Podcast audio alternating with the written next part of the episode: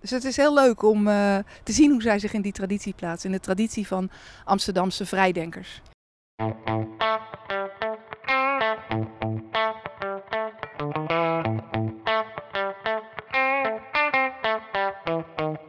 Ik ben Mechtelt Jansen en ik hou ontzettend van literatuur en van Amsterdam. In deze podcast neem ik je mee naar bijzondere plekken in Amsterdam uit de boeken of levens van Nederlandse schrijvers. Vandaag ben ik in Amsterdam West met Marielle van Tilburg. Ga je mee? Waar zijn we, Mechtelt?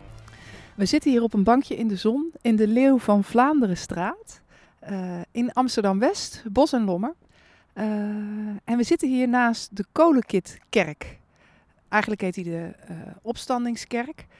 Maar als je die kerk ziet, dan begrijp je meteen waarom hij de kolenkit wordt genoemd. Want hij heeft een toren met een afgeschuinde uh, top. Die doet denken aan een kolenkit. Althans, als je weet wat een kolenkit is. Een schep, toch? Een soort schep om kolen mee te scheppen. Ja, een soort schep inderdaad waarmee je kolen uit het kolenhok op zolder haalt en naar de kolenkachel brengt. En in de tijd dat mensen nog wel kolenkitten en kolenkachels gebruikten, uh, de vroege jaren 50, is deze kerk hier neergezet. En het was onderdeel van een, een grote stadsuitbreiding die na de Tweede Wereldoorlog is gedaan om mensen meer ruimte te geven. En er zijn hier toen in een paar jaar tijd ontzettend veel uh, portiekwoningen uit de grond gestampt. Kan je de buurt omschrijven? Is er iets wat bijzonder is aan deze buurt? Nou, waar wij nu zitten zien we voornamelijk portiekwoningen, dus flats. Uh, geen heel hoge flats, vier, vijf woonlagen uh, hoog. Maar laat ik ze beschrijven door Lale Gül, die hier is opgegroeid. Haar hoofdpersoon Busra in haar roman Ik ga leven beschrijft ze als volgt. De huizen tellen twee slaapkamers. Alles kraakt en piept en de muren zijn erg gehoorig. Je kunt net zo goed met de deur openschijten, dat idee. Het zijn woningen van 48 vierkante meter en ontzettend betaalbaar. Daarom wonen we er. We dokken slechts 450 euro. Dat is tegenwoordig een habbekrats voor een kot in Amsterdam. Mijn studiegenoten schuiven 700 voor hun studio in hun uppie. Die gunstige prijs is niet omdat de woningcorporatie ons extra lief vindt of filantropisch ingesteld is, maar omdat we er al meer dan 20 jaar wonen. Zouden we weggaan, dan wordt de huur voor de volgende inwoners beduidend hoger en vragen de huizenmelkers je ongegeneerd 750 euro voor een archaïsche schoenendoos in een achterstandswijk. Of krachtwijk, of prachtwijk, of vogelaarswijk, ook goed. Onze wijk, de Kolenkitbuurt, had in de tijd de krant gehaald. We kregen de edele onderscheiding officieel de slechtste buurt van Nederland te zijn, wat inhield dat de economische afhankelijkheid notabel was, net als de taalachterstand, jeugdcriminaliteit, het vandalisme en de overwegend rampzalige schoolprestaties. Op de foto bij het artikel was oma te zien, die toen nog buiten kon lopen. De hele buurt had het erover dat oma in de gratis bezorgde lokale krant stond. De inhoud werd volkomen genegeerd. De meesten konden die waarschijnlijk niet lezen of begrijpen. Of het boeide ze niet. Of allebei. Een mooi portret van de buurt. Ja, laat niet veel te raden over, denk ik, hè? is duidelijk. Dit is de plek waar Busra opgroeit. Haar ouders, haar verwekkers noemt ze ze, hebben er een flat. En in hetzelfde portiek heeft ook oma, die, in dit stukje voorkwam, ook een flat. En Busra uh, is twintig op het moment dat het uh, verhaal zich afspeelt. En heeft een kamer bij haar oma. En oma uh, beschrijft ze als volgt. Ze is al lang cynisch en zwartgallig. Het enige waar ze nog enigszins monter van wordt, zijn de suikerrijke consumpties die ze gulzig verorbert. Vandaar dat ik haar niet wil beroven van dat laatste beetje genot. Die verdomde gevulde koekjes, appeltaart, frisdrank, roomijs en chips en die voor haar blijf inslaan als ze erom vraagt. Ze is ongeletterd en kan haar tijd niet verdrijven met dingen die andere, geletterde oma's doen. Lezen, het nieuws volgen, überhaupt iets van de programma's en documentaires begrijpen of sudokuën. Verder spreekt ze Turks op boerenniveau. Ze is geen dag naar school geweest en beschikt daardoor over een uiterst pover vocabulaire en een nogal nauwe horizon, zodat ze de moderne Turkse tv ook niet echt kan volgen. Haar algemene kennis is zo miserabel dat ze denkt dat er maar drie landen op de wereld zijn: Amerika, Turkije en Nederland. Ja, dit is dus de familieachtergrond van Busra. Waarom woont ze bij oma? Ze hebben te weinig ruimte in het uh, huis van de verwekkers. Ze heeft nog een jonger zusje en een uh, jongere broer.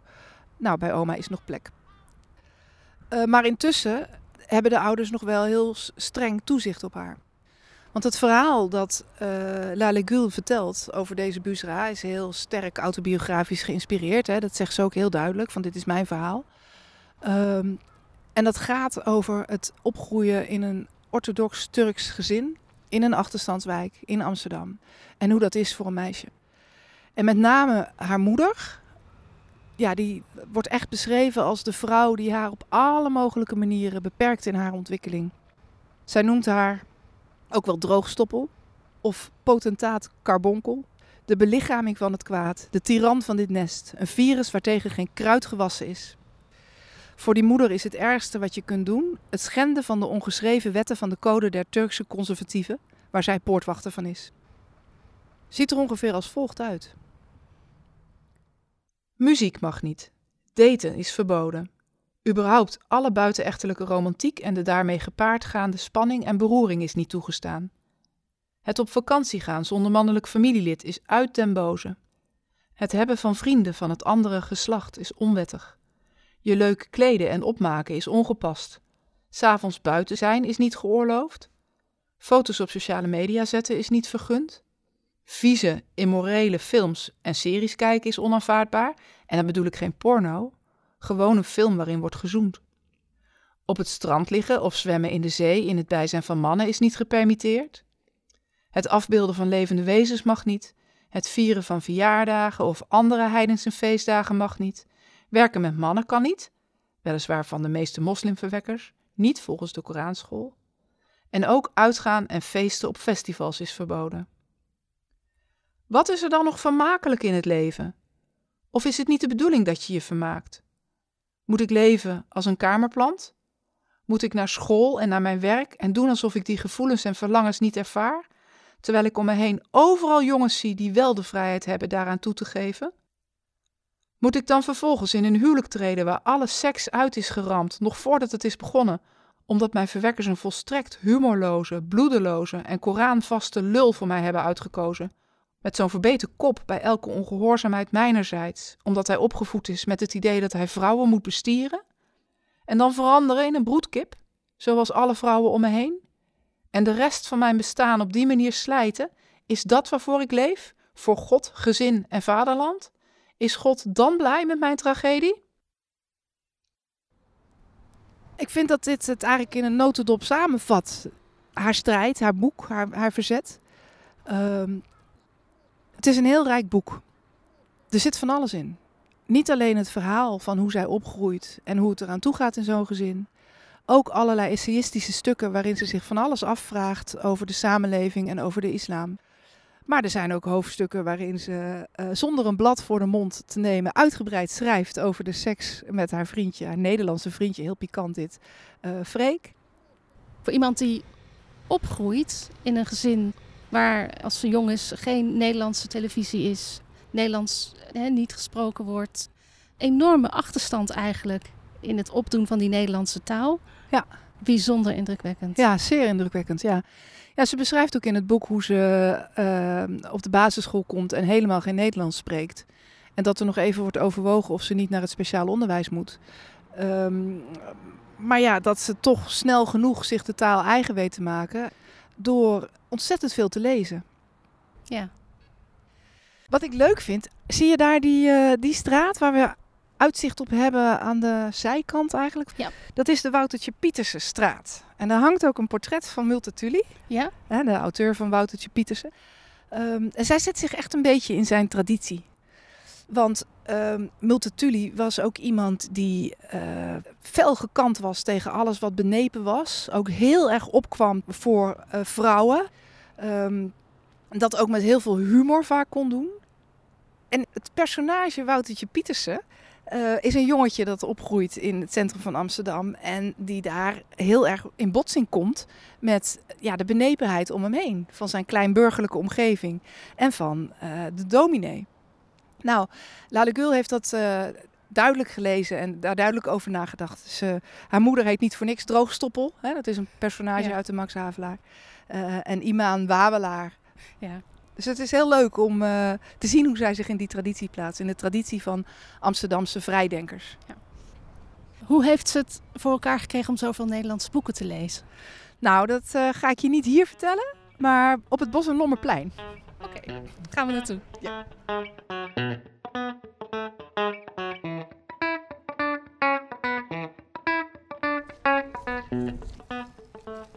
We lopen nu het Bos en Lommerplein op. Een groot plein, eh, ingebouwd tussen wat hogere gebouwen. En in de hoek waar wij nu staan, zat tot 2017 ehm, de Bos en Lommervestiging van de eh, bibliotheek gevestigd. En jij vroeg me net, Marielle, eh, hoe La Legule aan haar belezenheid is gekomen als kind. Nou, dat heeft ze hier vandaan.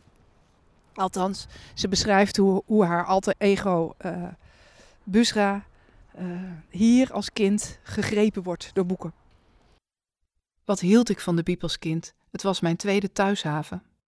Ik had alle schappen op een gegeven moment uitgespeeld.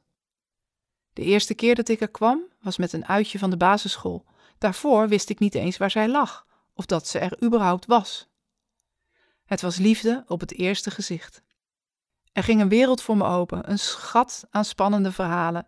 De Donald Duck, computers met internetverbinding, dvd's, een chocomelkapparaat en dat geheel en al gratis. Behalve de chocomelk, die was 50 cent. Na die rondleiding was ik er niet meer weg te slaan. Omdat ik er niet zelf naartoe mocht, mij afhankelijk makend van moeders welwillendheid, moest ik haar iedere keer smeken, want vader was altijd aan het werk. Dan zei ze wel eens ja, ook al kon ze zelf niet lezen of had ze duidelijk geen zin. Ik leende het maximaal toegestane, acht boeken. Anders had ik ze al uit voordat moeder bereid was alweer naar de biep te gaan, wat vaak voorkwam. Ze wilde maar eenmaal in de vijf à zes weken gaan, anders vond ze het te veel van het goede. Nou, die sluwe Busra neemt binnen de kortste keren ook een abonnement op naam van haar broer. Hè. Voor kinderen onder de 18 is het eh, gratis. Dus eh, dan kan ze nog wat meer lenen en eh, ook voor hem neemt ze boeken mee. En vanaf groep 8 mag ze dan gelukkig zelfstandig daar naartoe. En dan ging ze daar, zoals ze dat noemt, urenlang solo chillen. De boeken van Carrie Slee waren het meeslependst. Zo kon ik in werelden duiken die ik nog niet verkend had. En las ik over zoenen, vriendjes, dronken worden, uitgaan, roken en drugs gebruiken. Als het over zoenen of seks ging, kreeg ik er kriebels en vlinders van. Een soort tintelingen in mijn onderbuik en in mijn geslachtsdeel. Niet wetend waarom mijn lijf zo raar deed. Ik was zo gekluisterd aan die verhalen dat ik het hele weekend nadat ik thuis kwam van de Koranschool, of de hele kerstvakantie, niet uit mijn kamer was te slaan om aan één stuk door te lezen. Een echt goed boek, daar kon ik makkelijk een week van nagenieten. Of van van streek zijn, of boos of verdrietig, of erdoor worden beziggehouden, me afvragend wat ik nu eigenlijk gelezen had. Woorden die ik niet kende schreef ik op in een schriftje, om ze later aan de meester op school te vragen en de betekenissen te noteren. We hadden geen wifi, waardoor het lezen de enige leuke bezigheid was, vooral omdat het alternatief Korantekst te leren was. Ik vind het heel mooi hoe zij beschrijft hoe het lezen hier een venster op de wereld is. En het onderstreept ook heel erg het belang van buurtbibliotheken. Ja. En daarom is het ook heel schrijnend dat uh, er voor de, de OBA, uh, de Openbare Bibliotheek Amsterdam, bezuinigingen afgekondigd zijn. En dat de buurtbibliotheek in Bos en Lommer, die overigens niet meer hier zit, maar nu naast een nieuwe boekhandel verderop op de Bos en Lommerweg, dat dat een van de bibliotheken was uh, die op de nominatie stond om te verdwijnen, omdat er geen geld meer voor was. Tegelijkertijd wordt er wel een nieuwe dure vestiging van de bibliotheek gebouwd op de Zuidas. Maar de mensen die daar wonen en werken hebben veel minder behoefte aan zo'n plek om solo te chillen en meteen ook een venster op de wereld voorgeschoteld te krijgen dan kinderen als, als deze Busra. Ja, dit is echt waarom de bibliotheek bestaat. Hè? Dit is waarom de bibliotheek bestaat. Ja. En hoe loopt het af? Nou, in het boek uh, zien wij Busra op haar twintigste.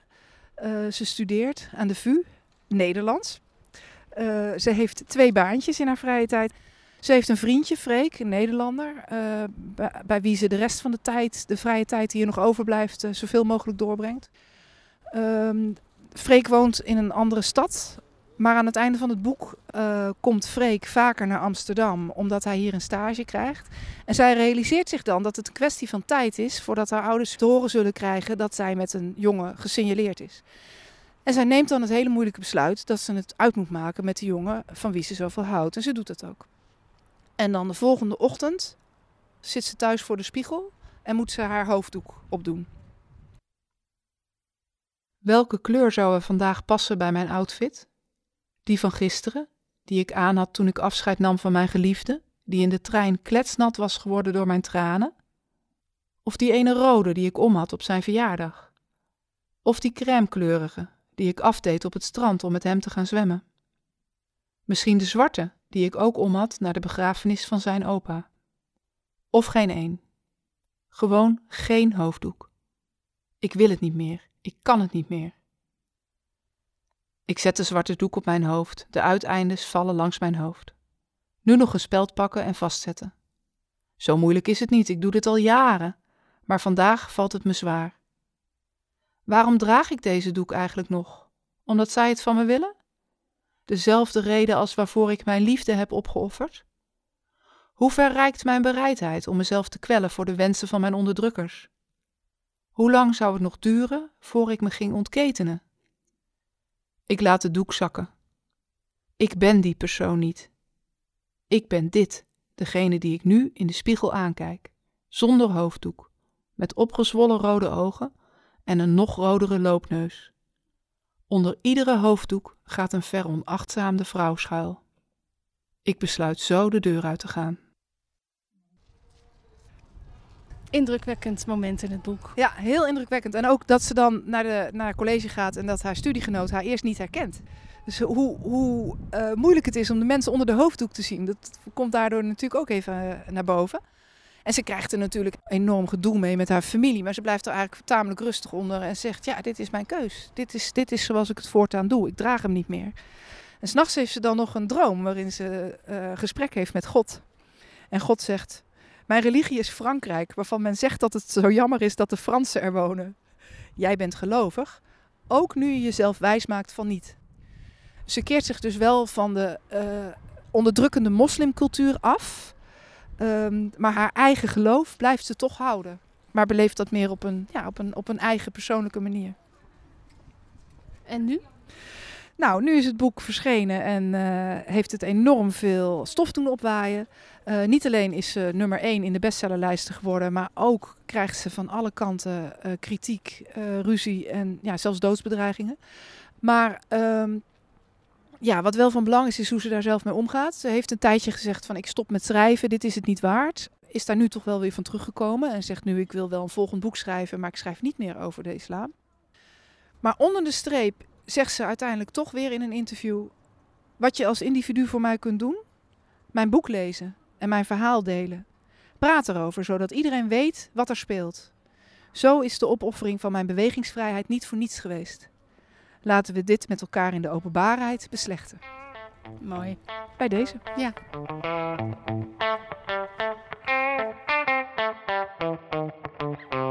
Je luisterde naar Booklovers Podcast, een podcast over de stad, zijn schrijvers en hun boeken. De muziek was van Orbitert. Vind je deze podcast leuk en wil je meer horen? Abonneer je dan via je favoriete podcast-app en laat een review achter, zodat andere liefhebbers hem beter kunnen vinden. Vond je dit leuk en wil je het met eigen ogen zien? Wandel dan een keer met me mee. Kijk op www.boekloverstours.nl voor het programma. Ik ben Mechtel Jansen en ik maak deze podcast samen met Helen Jochems en Marielle van Tilburg.